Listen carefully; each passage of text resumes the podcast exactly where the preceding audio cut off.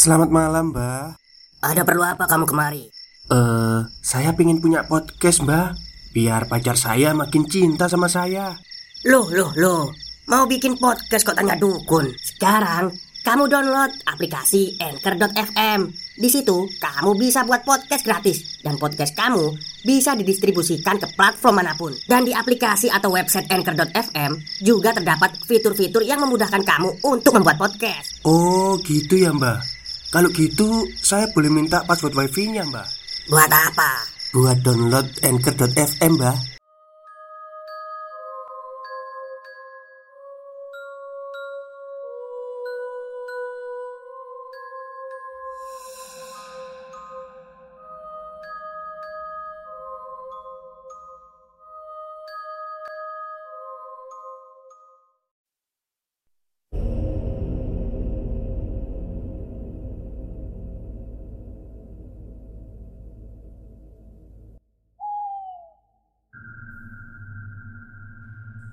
Assalamualaikum warahmatullahi wabarakatuh. Halo semuanya Jumpa lagi dengan saya Chow Sing Sing Kurator dari Podcast Horror Night Story. Halo, apa kabar semuanya? Semoga kalian semua baik-baik saja ya. Dan seperti biasanya pada malam hari ini saya kembali dan akan membawakan sebuah kisah mistis untuk kalian semua. Kisah mistis kali ini saya datangkan dari akun Twitternya Lentera Malam yang menceritakan tentang pesugihan kontrakan ya. Dan seperti apa kisahnya? Mari kita simak.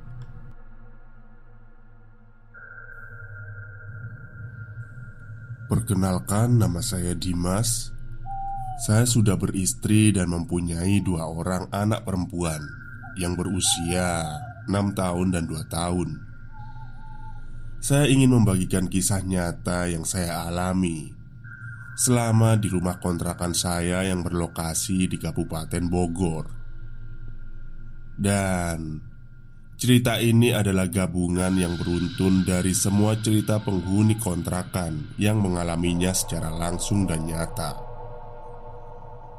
Awal cerita bermula dari kontrakan lama saya yang mendadak ingin ditempati oleh saudara si pemilik kontrakan. Terpaksa saya harus pindah mencari kontrakan yang baru. Beberapa hari mencari kontrakan Akhirnya dapatlah kontrakan baru. Lokasinya tidak jauh dari kontrakan kami yang lama. Kami berkenalan dengan pemilik kontrakan. Sebut saja Namanya Ibu Irma. Beliau terlihat baik dan ramah menyambut kehadiran kami. Kemudian kami lanjut mengecek kontrakannya. Denah lokasi kontrakannya itu berada di dalam gang kampung. Jalanannya bisa dilalui melalui satu mobil, dan di depannya ada gerbang. Kontrakannya berderet memanjang, ada tujuh pintu di sebelah kiri, sedangkan di tengah ada kebun kecil, dan ada juga tiga kolam kering yang kata pemilik kontrakan itu akan dijadikan kolam ikan. Dan di sisi kanan terdapat rumah induk besar milik si pemilik kontrakan. Kata Bu Irma, total kontrakan ada tujuh, yang kosong ada dua pintu. Kontrakan nomor dua dari depan dan kontrakan nomor enam dari belakang. Jadi silahkan saja dipilih Ucap Bu Irma Kontrakannya terdiri dari tiga petak Di depannya ada teras kecil. Dan di dalamnya ada ruang tamu Kamar serta kamar mandi. Ada dapur juga Jadi satu. Dan ada pintu belakang Untuk akses ke belakang kontrakan. Karena suasananya sepi Sejuk dan adem serta banyak pepohonan, istri saya tertarik dan kami langsung membayarkan uang kontrakan untuk satu bulan pertama. Dan keesokan harinya, kami bergegas untuk pindah dari kontrakan lama ke kontrakan yang baru. Oh iya, Ibu Irma tinggal di rumah besar itu bersama tiga anaknya dan satu adik iparnya. Suaminya tidak pernah kelihatan, entah kerja di luar kota atau sudah bercerai, atau sudah meninggal, dan entah apalah saya tidak ingin bertanya perihal itu ke Bu Irma. Dengan berjalannya waktu tak terasa, kami sudah enam bulan mengontrak di situ. Dan istri saya juga sudah akrab dengan tetangga kontrakan. Jujur, saya pribadi kurang akrab dengan tetangga. Karena pekerjaan saya di pasar yang mengharuskan saya setiap hari Berangkat jam 3 pagi Dan pulang jam 6 sore. Dan jam 8 malam Saya sudah tertidur Untuk menyambut hari esok. Tetangga kiri saya yang rumahnya paling pojok Seorang janda beranak dua Sebut saja namanya Dini Anak pertamanya cewek berusia 10 tahun dan anak keduanya cowok berusia tujuh tahun. Dia menjadi janda karena ditinggal meninggal oleh suaminya yang katanya meninggal dalam kecelakaan. Berjalannya waktu, ada beberapa tetangga yang pindah rumah, sehingga kontrakan tersebut sisa tiga pintu yang kosong. Singkat cerita, Si Mbak Dini ini berucap kepada istri saya bahwa rumah kontrakan beserta rumah induknya akan dijual. Dan kebetulan yang akan membelinya adalah om dari si almarhum suaminya. Tak lama terjuallah kontrakan dan rumah induk itu ke omnya Mbak Dini. Setelah terjual, Mbak Dini bilang ke semua penghuni kontrakan bahwa sekarang semua urusan kontrakan itu saya yang mengelola. Karena dia disuruh langsung oleh si Om dari almarhum suaminya yang sekarang menjadi pemilik baru kontrakan yang kami tempati. Mbak Dini pun menawarkan rumah induk yang kosong itu untuk kami kontrak. Tapi kami menolaknya karena rumah itu terlalu besar untuk keluarga kami yang kecil. Kemudian Mbak Dini bercerita ke istri saya Kenapa kontrakan Bu Irma dijual? Katanya karena Bu Irma ingin pindah ke pulau Sumatera Kembali ke kampung halamannya Dan ternyata Perihal suaminya Bu Irma yang selama ini tidak pernah nampak batang hidungnya Ternyata suami Bu Irma sedang mendekam di balik jeruji besi penjara Karena sang suami ternyata adalah gembong residivis spesialis perampokan rumah dan kendaraan motor Semua harta yang Bu Irma miliki itu termasuk rumah kontrakan yang saya tempati itu adalah buah hasil dari tindak kejahatan suaminya yang selama ini ia lakukan. Lanjut cerita Mbak Dini kepada istri saya. Setelah rumah dan kontrakannya terjual dan Bu Irma sudah pergi pindah ke Pulau Sumatera, Mbak Irma langsung mengirim pesan ke Mbak Dini yang intinya isi pesan tersebut adalah kemarahan amarah, serta ancaman untuk Mbak Dini.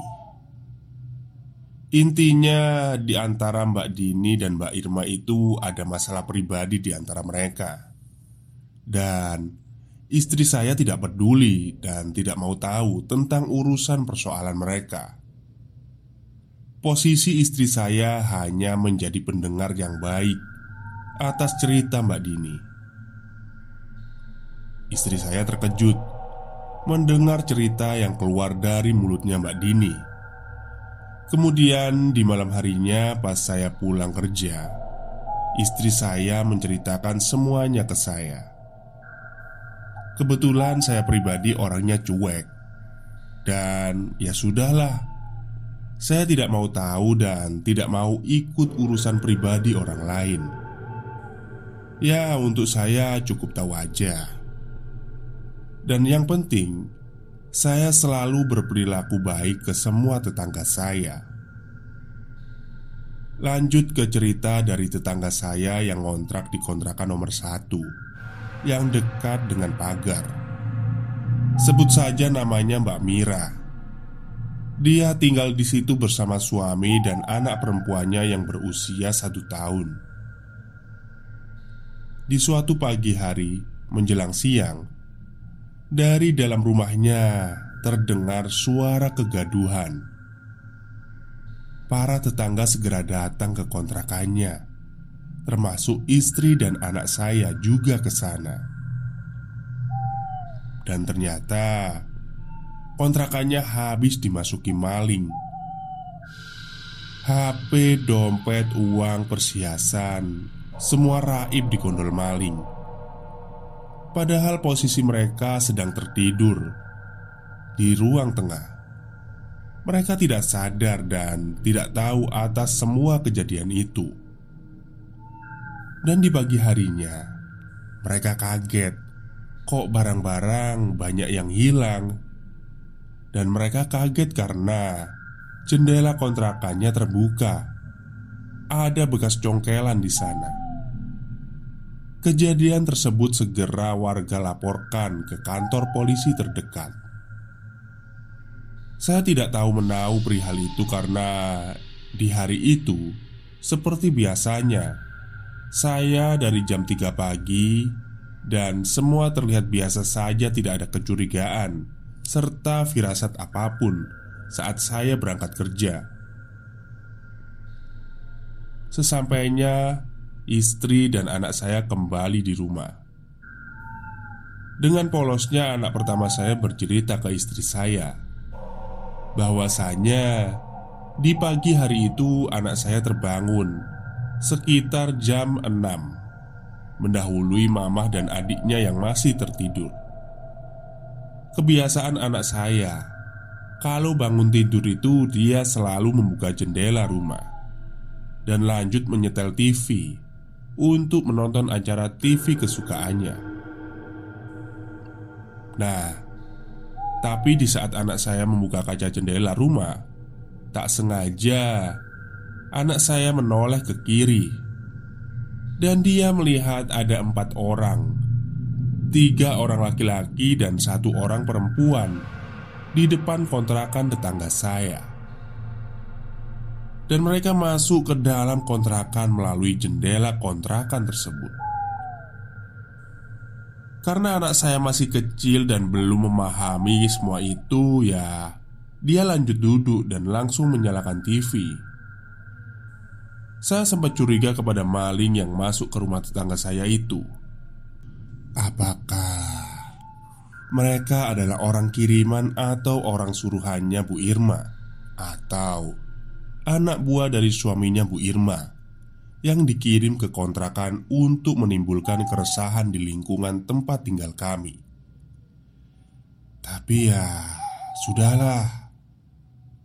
Saya buang jauh-jauh pikiran negatif saya dan saya tidak mau ambil pusing atas semua kejadian yang telah berlalu itu. Yang penting, saya bersyukur, alhamdulillah, kejadian itu tidak menimpa keluarga saya.